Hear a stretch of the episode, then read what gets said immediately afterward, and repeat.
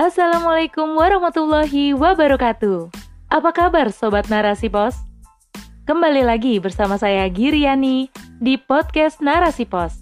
Narasipos.com Cerdas dalam literasi media, bijak menangkap peristiwa kunci.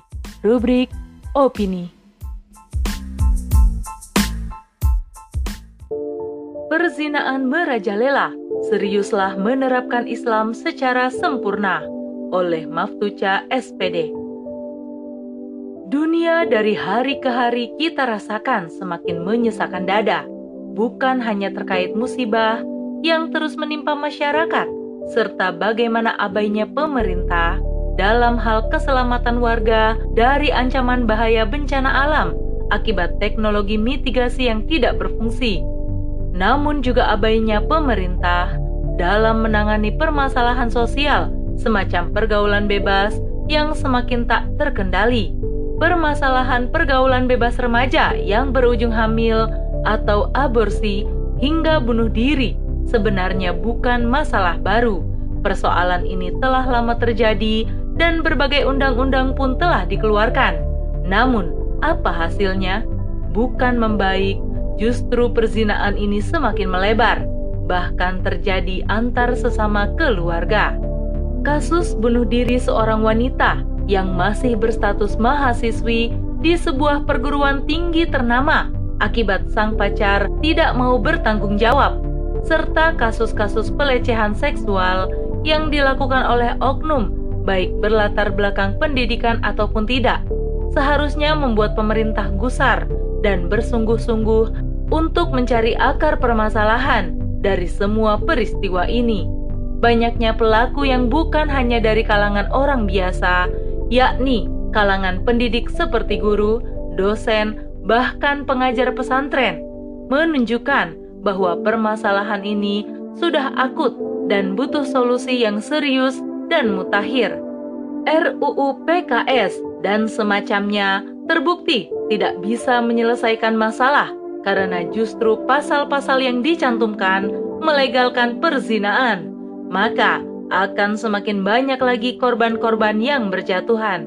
Jika dirunut secara mendalam, akar masalah dari persoalan ini adalah diterapkannya kehidupan yang liberal, pergaulan bebas laki-laki dan perempuan seperti pacaran, dan tidak adanya batas pergaulan antara laki-laki dan perempuan. Di sisi lain, pemerintah mengambil sikap sekuler, yakni memisahkan agama dari kehidupan. Semua aspek kehidupan tidak dilandasi dengan nilai-nilai agama. Adanya opini yang di blow up bahwa remaja yang taat agama justru berpeluang radikal, akhirnya membuat remaja semakin jauh dari agamanya. Persoalan kriminal seperti pembunuhan, korupsi, perzinaan, serta rusaknya moral adalah buah dari ditinggalkannya nilai-nilai agama sebagai ruh kehidupan.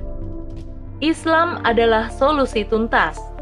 Islam sebagai sebuah agama sekaligus pandangan hidup memiliki konsep yang tepat untuk mengatur kehidupan manusia dan itu dimulai dari upaya pencegahannya. Dalam aspek pergaulan, Islam memiliki konsep yang jelas Allah Subhanahu wa Ta'ala berfirman, "Dan janganlah kamu mendekati zina. Sesungguhnya zina adalah suatu perbuatan yang keji dan suatu jalan yang buruk." Quran Surat Al-Isra ayat 32. Dalam ayat tersebut, Allah melarang aktivitas yang mendekati zina. Jadi, mendekati saja dilarang, apalagi melakukannya. Tidak ada istilah berpacaran bagi yang akan melakukan pernikahan apalagi hanya sekedar main-main saja.